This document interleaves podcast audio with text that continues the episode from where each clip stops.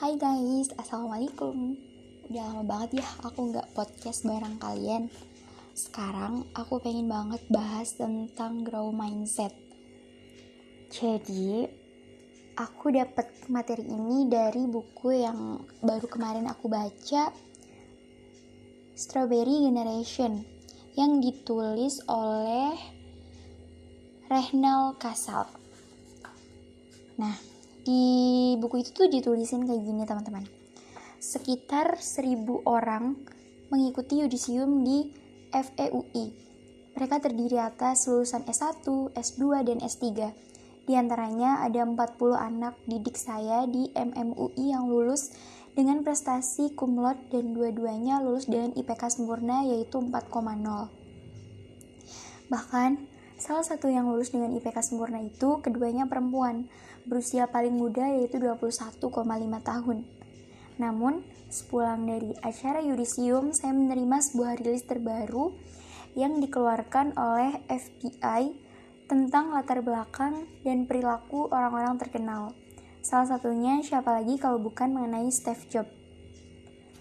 Laporan mengenai Steve Jobs terbaca secara jelas ditulis oleh analisis yang terkesan tidak senang terhadapnya. Wajar karena menurut orang dalam Apple, petugas FBI yang bertugas yang ditugaskan melakukan wawancara harus menunggu selama 3 jam sebelum diterima Jobs. Namun, demikian penulis mencoba memberikan data-data yang objektif sehingga terkesan bahwa Jobs bukan seorang yang cerdas, Meski terkenal, dia ternyata hanya punya indeks prestasi kumulatif yaitu 2,65 pada saat duduk di tingkat SMA. Ujar laporan itu, angka ini jelas objektif dan bukan diambil dari pikiran penulis. Kalau membaca laporan ini jauh sebelum Jobs dikenal, mungkin Anda termasuk orang yang menilai bahwa ia bukanlah orang yang ia bukanlah orang yang tidak cerdas, namun karena kita membacanya sekarang, Paling Anda mengatakan apa urusannya IPK dengan karya yang telah dibangun seseorang? Bukankah dampak dampaknya jauh lebih penting daripada paper dan IPK? Seperti yang pernah saya tulis pada kolom di Jawa Pos, manusia memiliki dua mindset, yaitu grow mindset dan fixed mindset. Orang-orang yang memiliki pengaturan pikiran tetap atau fixed mindset cenderung sangat mementingkan ijazah dan gelar sekolah. Sedangkan mereka yang tumbuh atau grow mindset tetap menganggap dirinya bodoh. Baginya, ijazah dan IPK hanya merupakan langkah kemarin, sedangkan masa depan adalah soal dampak, apa yang bisa Anda berikan atau dilahirkan. Oleh sebab itu, kepada mereka yang pernah belajar dengan saya, saya selalu tegaskan bahwa pintar itu bagus, tapi dampak jauh lebih penting. Celakanya, universitas banyak menyukai banyak dikuasai orang-orang yang bermental ijazah dan asal sekolah sehingga mereka terkukur, terkurung dalam penjara yang mereka set sendiri, yaitu fixed mindset. Bagi mereka, dampak sama dengan paper atau kertas karya, terlepas dari apakah bisa dijalankan atau tidak.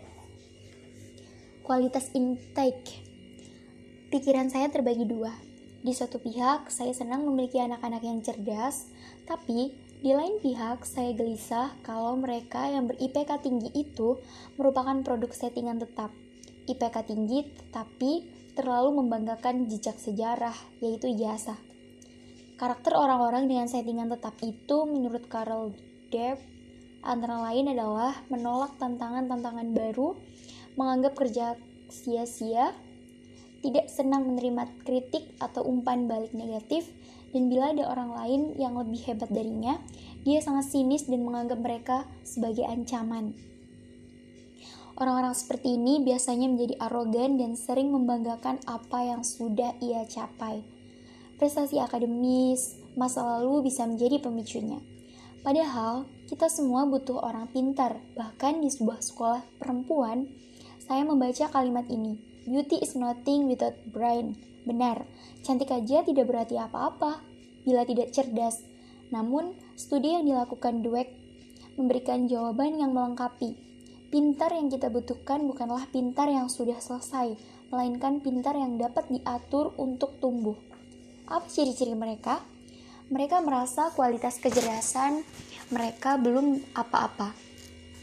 Mereka masih mau belajar, siap menerima tantangan-tantangan baru, menganggap kerja keras itu penting, menerima feedback negatif untuk melakukan koreksi, dan bila ada pihak yang lebih hebat darinya, mereka akan menjadikan orang itu sebagai tempat belajar. Orang-orang seperti itulah yang menjadi sasaran untuk direkrut. Jadi, di MMUI, seperti juga di Harvard, kami tidak terlalu bertumpu pada tes-tes tertulis, nilai akademis, masa lalu mereka boleh tinggi, tapi kami telah ah lagi dalam wawancara yang dilakukan orang-orang berpengalaman. Dari situ kami sering mendapatkan insight bahwa tidak jarang orang yang memiliki hasil tes yang tinggi terpaksa digugurkan karena mereka terlanjur terkunci dalam ruang gelap yang disetting tetap. Namun, apalah artinya sebuah semua itu kalau kita tidak berani mengubah mereka? Itulah tugas kami sebagai pendidik, merombak cara pikir agar anak dididik tumbuh bukan sekedar mendapatkan ijazah. Jadi, 40 anak muda yang lulus kumlot itu tentu masih ingat bahwa musuh besar mereka adalah kebanggaan yang berlebihan terhadap prestasi yang telah dicapai kemarin. Ke depan, Indonesia butuh banyak manusia yang adaptif, bukan orang-orang kaku yang merasa pintar sendiri. Untuk melahirkan manusia-manusia unggul diper, diperlukan kualitas in, intake yang baik. Di samping proses yang mampu menempa mereka menjadi insan yang tumbuh. Maka, proses seleksi menjadi sangat penting di awal, di tengah, dan di akhir. Bila dulu saya gelisah memandang lulusan yang meraih gelar kumlot yang hanya bermanfaat bagi diri mereka sendiri, sekarang saya bisa bernafas lega karena Dweck telah membukakan jalan bahwa hal ini bisa diatasi dengan settingan pikiran yang tepat. Jadi gitu ya teman-teman. Menanggapi bab pertama dari buku generasi Strawberry Generation, kita jadi sejenak berpikir tentang berapa besar nilai IPK yang kita dapatkan dalam sebuah universitas memang ada beberapa orang yang sangat ambisius terhadap nilai yang tinggi.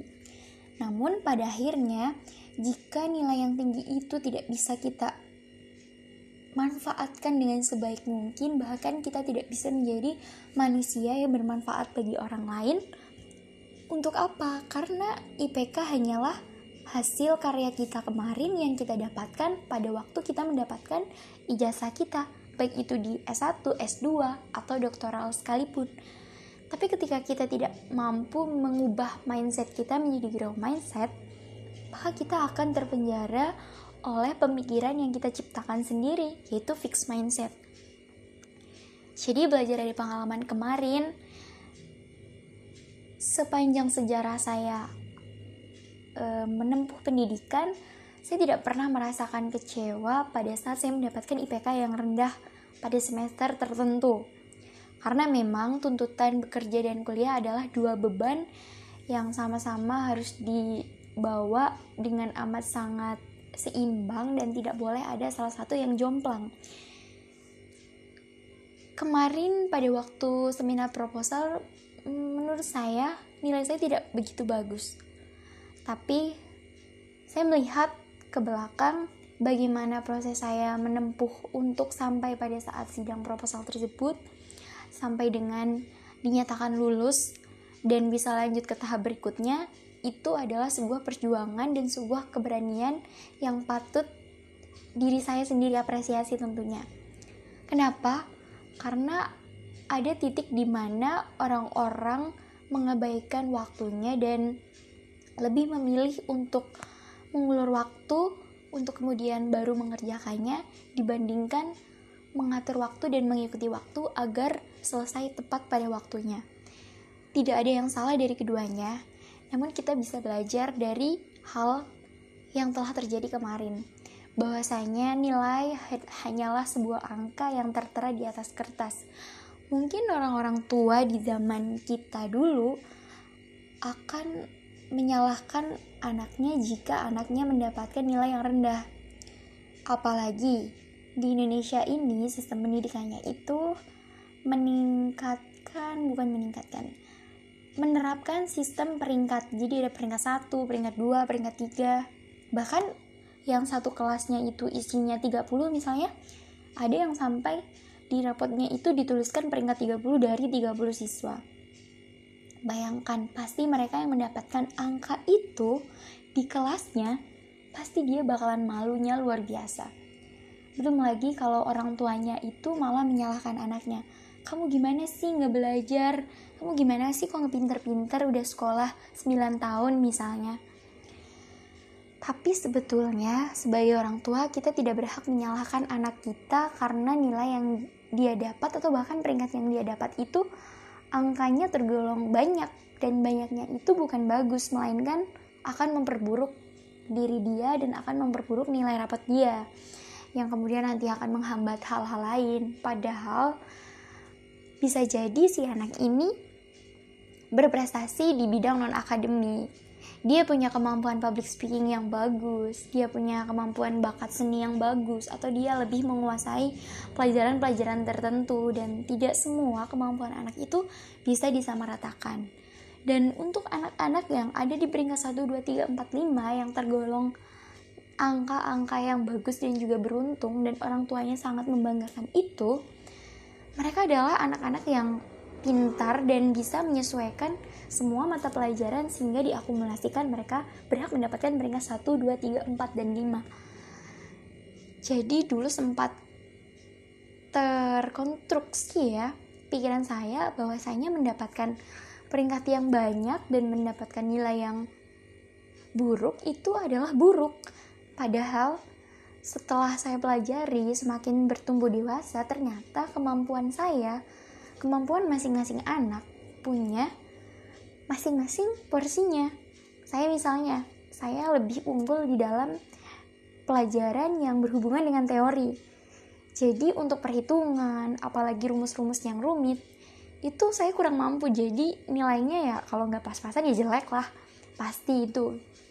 Karena ternyata kemampuan saya ada di bidang bahasa. Itu salah satu hal yang perlu kita pelajari di dalam diri kita sendiri agar kita tahu sebenarnya kita itu kemampuannya di mana sih jadi nanti ketika kalian masuk ke perguruan tinggi dan kalian memilih jurusan, kalian tidak salah pilih jurusan. Kalian akan mantap dengan pilihan kalian karena tujuan dari kalian memilih jurusan itu adalah untuk mengembangkan bakat yang selama ini kalian punya. Jadi penting banget sih menurut uh, aku untuk memilih dan mengetahui bagaimana bakat kita. Dan perlunya kita untuk menjadi orang yang grow mindset tidak tidak marah ketika kita dikritik dan mampu untuk mengoreksi dan introspeksi lah ya maksudnya diri sendiri.